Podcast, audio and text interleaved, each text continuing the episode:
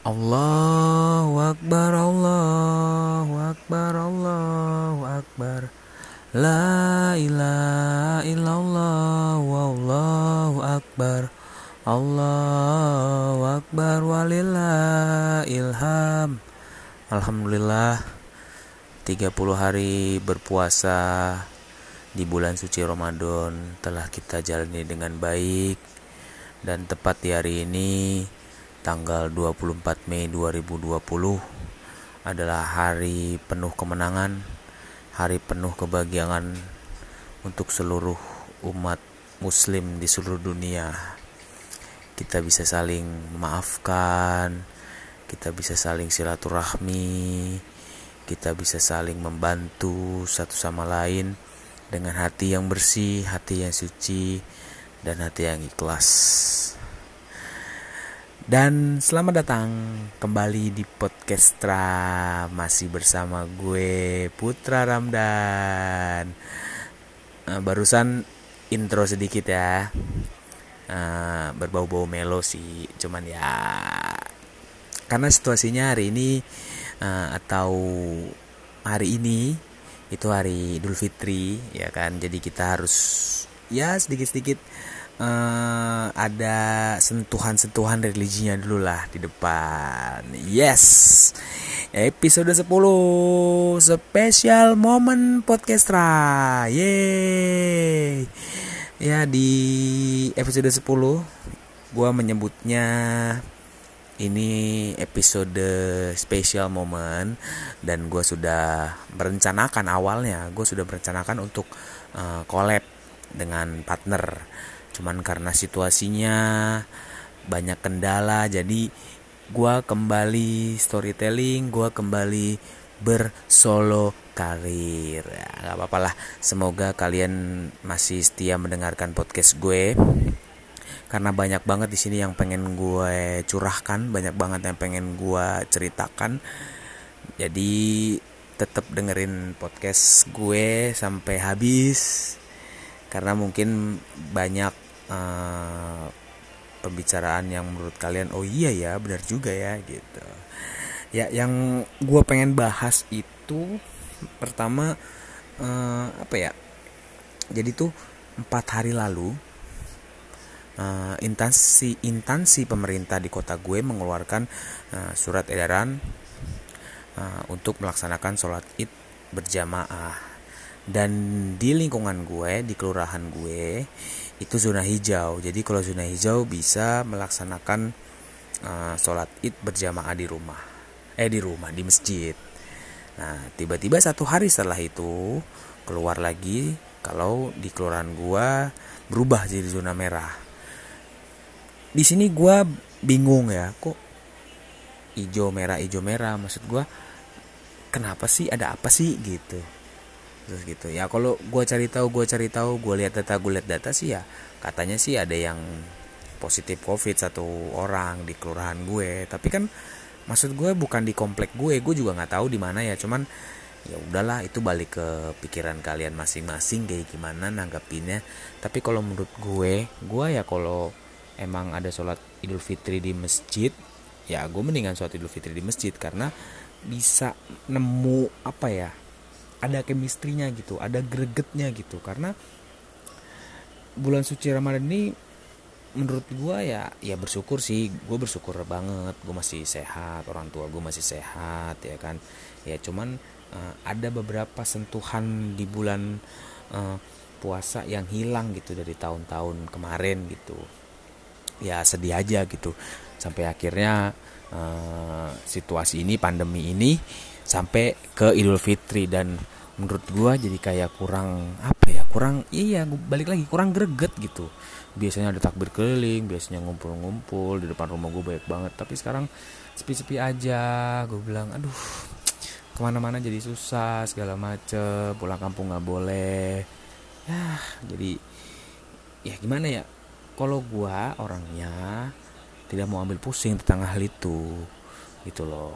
Gue percaya uh, covid ini ada. Gue percaya gue percaya banget virusnya ada gitu. Cuman gue tidak terlalu panik tidak terlalu uh, bukan bukan nggak peduli sih.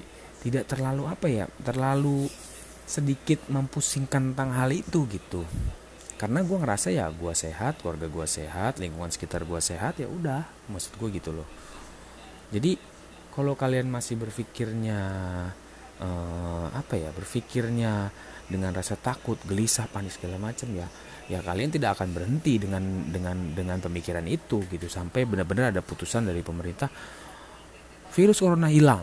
Wah itu baru udah kalian bakal lega segala macam. Teman kan ini ya gue juga tidak menyalahkan apa ya tidak menyalahkan pemerintah juga. Cuman kalau gua mikirnya orang-orang yang seperti itu tuh terlalu banyak banget melihat berita menonton berita. Karena jujur menurut gue ya jujur nih pemberitaan di TV itu apa ya? Kayak membuat mindset seorang itu jadi takut gelisah segala macam dan kayaknya tuh pemberitaannya itu terus terus dan membuat orang tuh kayak semakin tertekan semakin panik semakin panik panik gitu. Tapi sampai akhirnya dia punya kegelisahan sendiri gitu. Dan gue juga mikirnya gue sebenarnya nggak mau ngomongin konspirasi ya. Di sini gue nggak mau ngomongin konspirasi ya guys. Maksud gue ya kan jadinya kan situasi kayak gini kan jadi ada berbau-bau konspirasi konspirasi. Ya mungkin kalian juga ada yang berpikir oh iya ya oh iya ya. Coba deh kalian uh, maksud gue coba deh kalian uh, matikan TV terus cari pemberita-pemberitaan yang yang menurut kalian tuh oh ya gue coba gue uh, lihat ini lihat ini lihat ini gitu akan lebih dapat informasi yang menurut kalian oh iya juga oh iya juga ya. Jadi ada ada sisi lain pemikiran kalian yang oh iya bener juga ya oh iya bener juga ya. Ya makanya gue juga mikirnya kayaknya ada sesuatu deh tapi ya udahlah gitu mau ada sesuatu mau ada enggak juga maksud gue uh, guanya alhamdulillah nggak apa-apa gitu kan itu sih. Balik lagi sih ke pola pikir masing-masing balik lagi ke situasi hati dan pikirannya sendiri itu bagaimana menanggapinya gitu. Kalau gue sih jujur santai relax tidak berlebihan dan tidak ngerasa gelisah gitu loh. Santai aja. Karena ya kalau gue lihat ya gue juga dapet informasi dari kepala sekolah gue di sekolah anak-anak uh, dimulai di anak-anak setelah libur lebaran tuh sudah mulai uh, kembali ke sekolah sudah kembali beraktivitas di sekolah.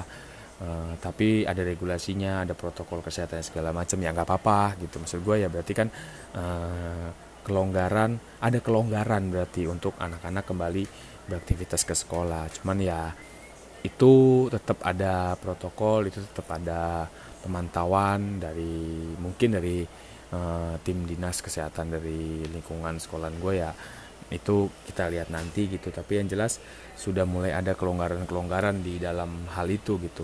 Apalagi barusan gue baca berita gue baca artikel tanggal 4 Juni seluruh mall akan segera dibuka. Berarti kan apa ya uh, maksud gue ini tuh sudah mulai ada sedikit kelonggaran. Kemarin juga psbb juga mulai ada sedikit longgar. Cuman ya udah kalau misalnya ada kelonggaran kayak gini segala macam ya udah pemberitaan tentang covid segala macam tuh juga diredam juga gitu loh. Jangan jangan dibikin bimbang naik turun mikirnya jadi pusing lagi bingung lagi segala macam gitu ya. Maksud gua ya udah kalau emang ada kelonggaran kayak gini ya diberitakan yang happy happy gitu loh. Jadi ya gue juga nggak menceritakan pemberitaan sih. Mungkin pemberitaannya benar cuman ya bisa lebih ya balik lagi sih kita. Kita kita bisa nggak menyaring berita itu dengan baik gitu loh. Ya kan? Karena ini akan berdampak kalau menurut gue ya ini sedikit ada berdampak ke depannya akan bakal ada herd immunity gitu loh. Jadi ini menurut gue jadi kalau salah ya gue mohon maaf gitu. Jadi herd immunity itu tuh uh, banyak kelebihan banyak kekurangannya. Jadi gue bilang gue kasih taunya kekurangannya dulu ya. Jadi jadi herd immunity itu uh, apa ya kayak semacam uh, apa ya imunitas di tubuh kita gitu. Jadi itu kekurangan dari herd immunity yang pasti uh, korbannya akan jatuh lebih banyak. Nah korbannya yang jatuh lebih banyak itu korban yang terkena covid meninggal. Jadi korbannya akan jatuh lebih banyak gitu kan. Dan keuntungannya ya virusnya hilang karena dibawa oleh orang-orang yang meninggal tadi. Jadi eh, bisa dibilang tuh herd immunity itu kayak seleksi alam gitu. Jadi lo lo siapa yang kuat dia akan bertahan. Dan siapa yang tidak kuat dia akan mati atau dia akan tidak bertahan dalam situasi itu gitu. Ya jadi herd immunity itu hampir sama seperti itu hampir sama kayak seleksi alam gitu. Jadi uh, kelebihannya itu kelebihannya pandemiknya hilang virusnya hilang semuanya kembali normal. Dan kita kalau terkena virusnya di herd immunity itu kita akan mempunyai kekebalan tubuh yang lebih kuat lagi. Jadi tuh banyak positif dan banyak negatifnya juga gitu loh ya tergantung kita bagaimana kita berpikirnya kembali gitu kembali ke pola pikir dan logika kita gitu kan ya kalau gua rasa sih bentar-bentar lagi nih negara kita ini akan herd immunity karena sudah banyak ada kelonggaran-kelonggaran yang terjadi. Jadi ya kita lihat aja nanti apa yang akan terjadi. Ya semoga kalian atau semua orang akan baik-baik aja dan akan sehat-sehat aja. Amin. Kan? Dan di episode 10 ini gue juga ingin menceritakan uh, tentang uh, anak-anak kembali ke sekolah itu gue senang banget kemarin gue rapat sama guru-guru uh, uh, memberitakan kalau uh, sekolahan gue sudah diberikan surat uh, izin sudah mendapatkan info dari dinas pendidikan setempat untuk uh, sekolah beroperasi kembali. Jadi bisa menerima anak-anak, anak-anak bisa beraktivitas kembali di sekolah, tetapi dengan regulasi dan protokol yang sudah ditetapkan. Jadi tidak boleh banyak orang, hanya beberapa orang yang masuk atau hanya beberapa kelas yang masuk, tapi dibagi-bagi atau bisa dibilang dibikin shift gitu. Nah kemarin gue rapat sama capsek gue, jadi anak-anak uh, akan tetap masuk nanti setelah libur lebaran, tapi di dibagi gitu, dibikin shift gitu. Ya kalau menurut gue sih ya fine fine aja, nggak apa-apa gitu, gitu kan.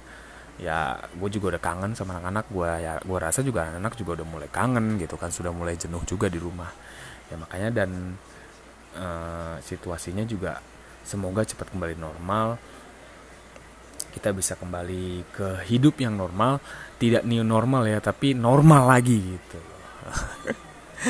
Ya kalau gue sih uh, beropini ya kalau menurut gue uh, sekolah kembali dilonggarkan mungkin karena uh, apa ya? Ya mungkin uh, mungkin juga berpikirnya situasinya tidak mendukung untuk menjalankan uh, pembelajaran atau home learning di rumah dengan daring dalam jaringan mungkin banyak kendala segala macam. Jadi ya mungkin dinas tempat juga ya udahlah kembali lagi aja ke sekolah gitu. Tapi dengan dengan persyaratan-persyaratan yang udah ditentukan gitu ya nggak apa-apa juga gitu kan. Gue juga seneng banget karena gue udah kangen banget ke sekolah gitu kan. Karena dengan informasi yang seperti ini waduh masjid gue udah takbiran alhamdulillah. Uh, ini salah satu keuntungan di lingkungan gue di masjid gue nanti pagi jam 7 akan mengadakan sholat berjamaah di masjid. Dan gue akan sholat masjid dan gue akan sholat berjamaah di masjid. Uh, tetapi bokap nyokap gue gue suruh tinggal di rumah aja. Jadi sholat di rumah aja ya mau apa apa biar aku yang ke masjid gitu dan takbirnya sudah mulai terdengar alhamdulillah mari kita bertakbir gitu ya kembali ke tadi yang gue bilang uh, info anak-anak kembali ke sekolah itu berdampak buat gue karena uh, gua sekarang ini lagi dipusingkan juga dengan uh, skripsi judul skripsi proposal judul gue. Nah, jadi gue udah mengambil dari awal gue masuk semester 8 gue udah mulai uh, mengambil uh, langkah untuk kayaknya gue ngambilnya eksperimen deh. Gue meriset gue meneliti gitu. Karena uh, eh, gue bisa SPSS jadi ya udahlah gue tumpahin aja di SPSS gitu. Jadi otomatis gue harus ngeriset gitu kan. Dan gue udah berpikir oh ya gue riset aja di sekolahan gue di SMP gitu. Dan ternyata kan ada pandemik ada corona datang. Akhirnya sekolah di diliburkan sampai hampir sekitar tiga bulanan. Dan gue di bulan Juni besok sudah harus sidang proposal judul.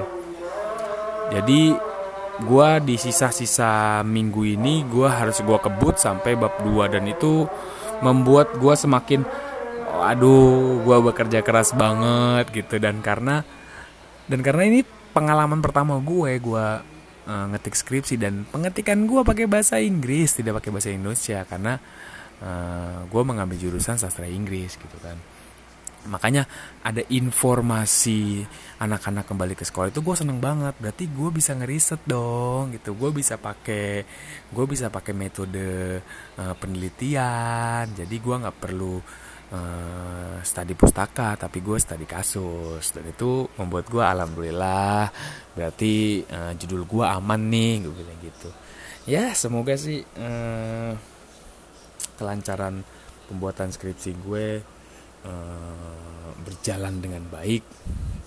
Uh, ada kendala segala macam bisa diselesaikan dengan cepat gitu karena biar tidak terlalu lama dipikirkan karena bisa ya mungkin bisa stres kali guanya ya karena ini pengalaman pribadi. Eh bukan pengalaman pribadi ini pengalaman pertama gue sih mengerjakan skripsi gitu.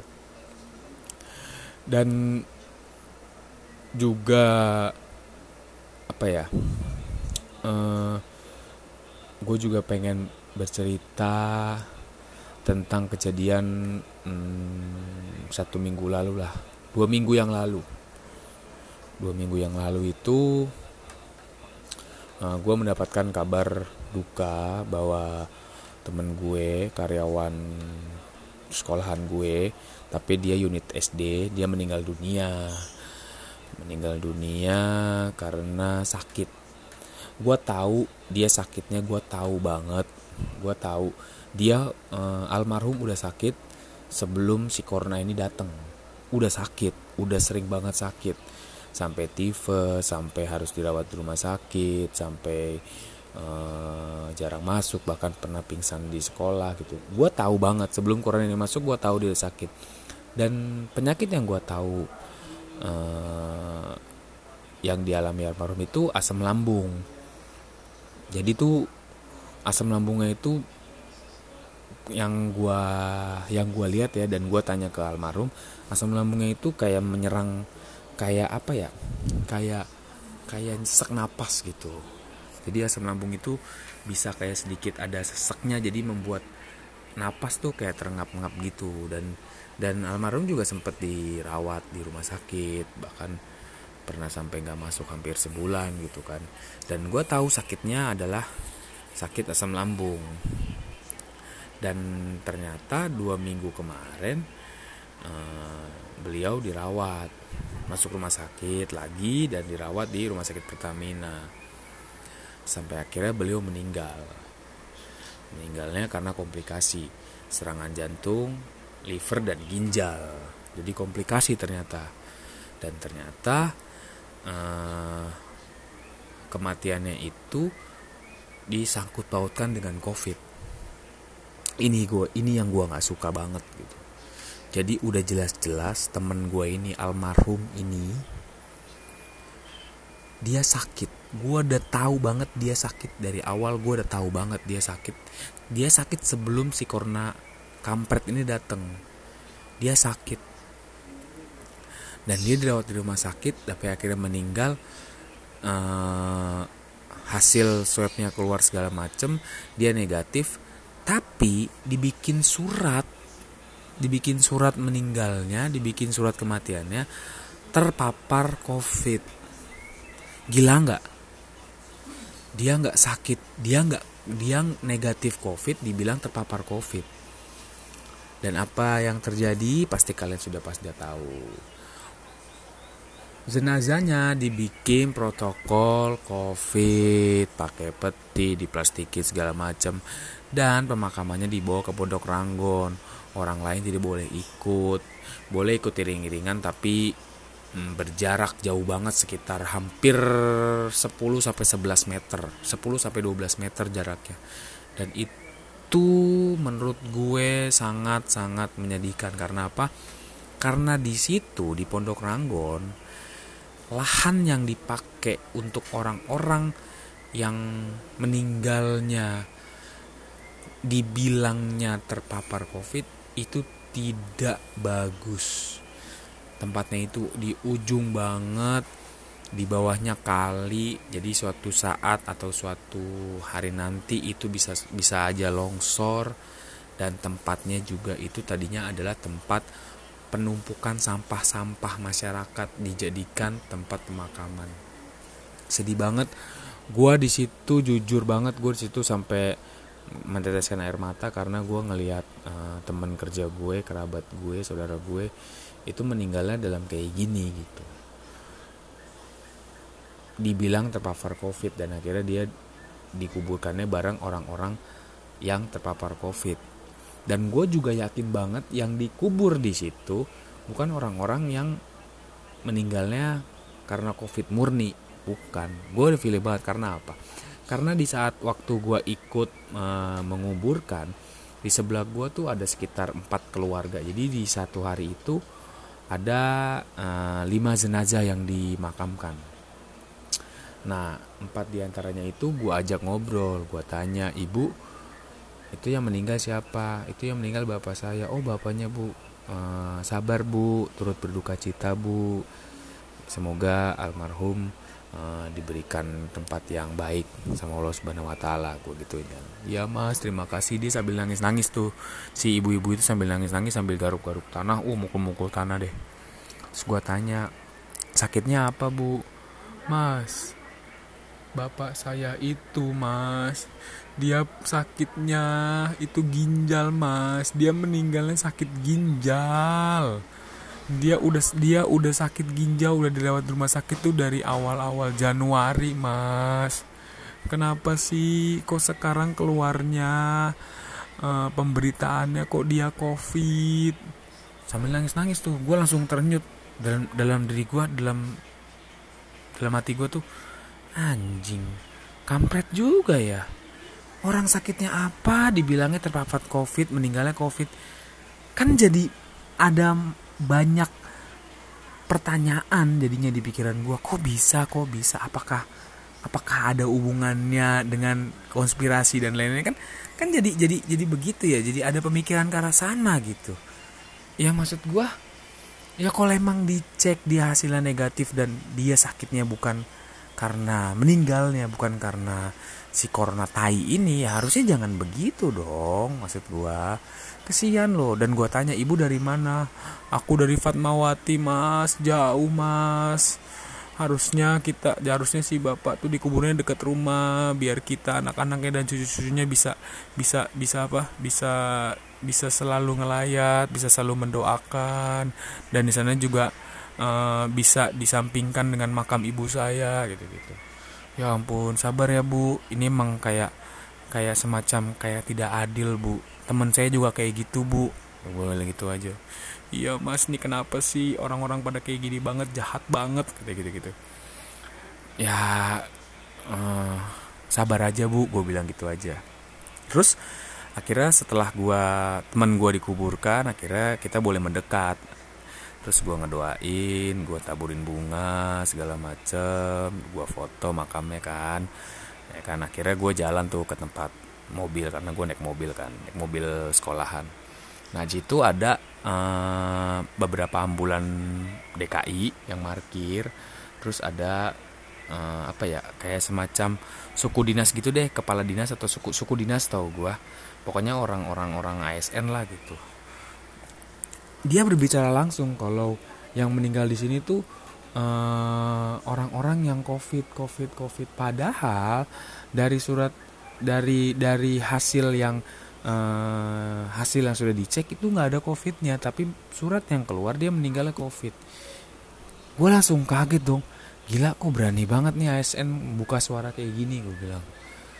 Gue langsung waduh ini emang kacau nih. Ini udah kacau banget gitu kacau banget. Dan dan gue beberapa hari kemarin beberapa minggu kemarin gue uh, banyak membaca artikel-artikel segala macam dan membanyak banyak juga dan apa ya bukan banyak juga.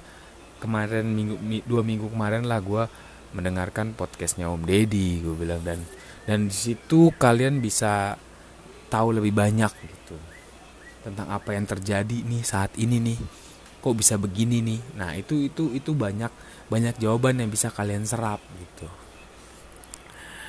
Ya terus sampai akhirnya kan gue udah tuh gue dengerin tuh ASN itu ngomong terus gue cabut gue akhirnya terus gue balik lagi ke mobil. Terus gue langsung dari gue ih kok tega banget ya sampai kayak gitu gitu ya gue mikirnya ya sudahlah semoga uh, jasad temen gue bisa diterima di sisi Allah gue berpikir tuh sepanjang jalan menuju ke sekolah kok bisa ya kok bisa ya? Orang sakit gini kok data yang keluar uh, dia terpapar corona meninggalnya kok bisa? Gue bilang gitu. Makanya gue jadi berpikir kok ada aja gitu orang meninggal di satu hari? Ada aja orang meninggal maksudnya iya pasti ada gitu. Tapi kan meninggalnya bukan karena covid mungkin ya. Kalau kalau gue sih ya gue bukan konspirasi ya tapi gue bisa berpikir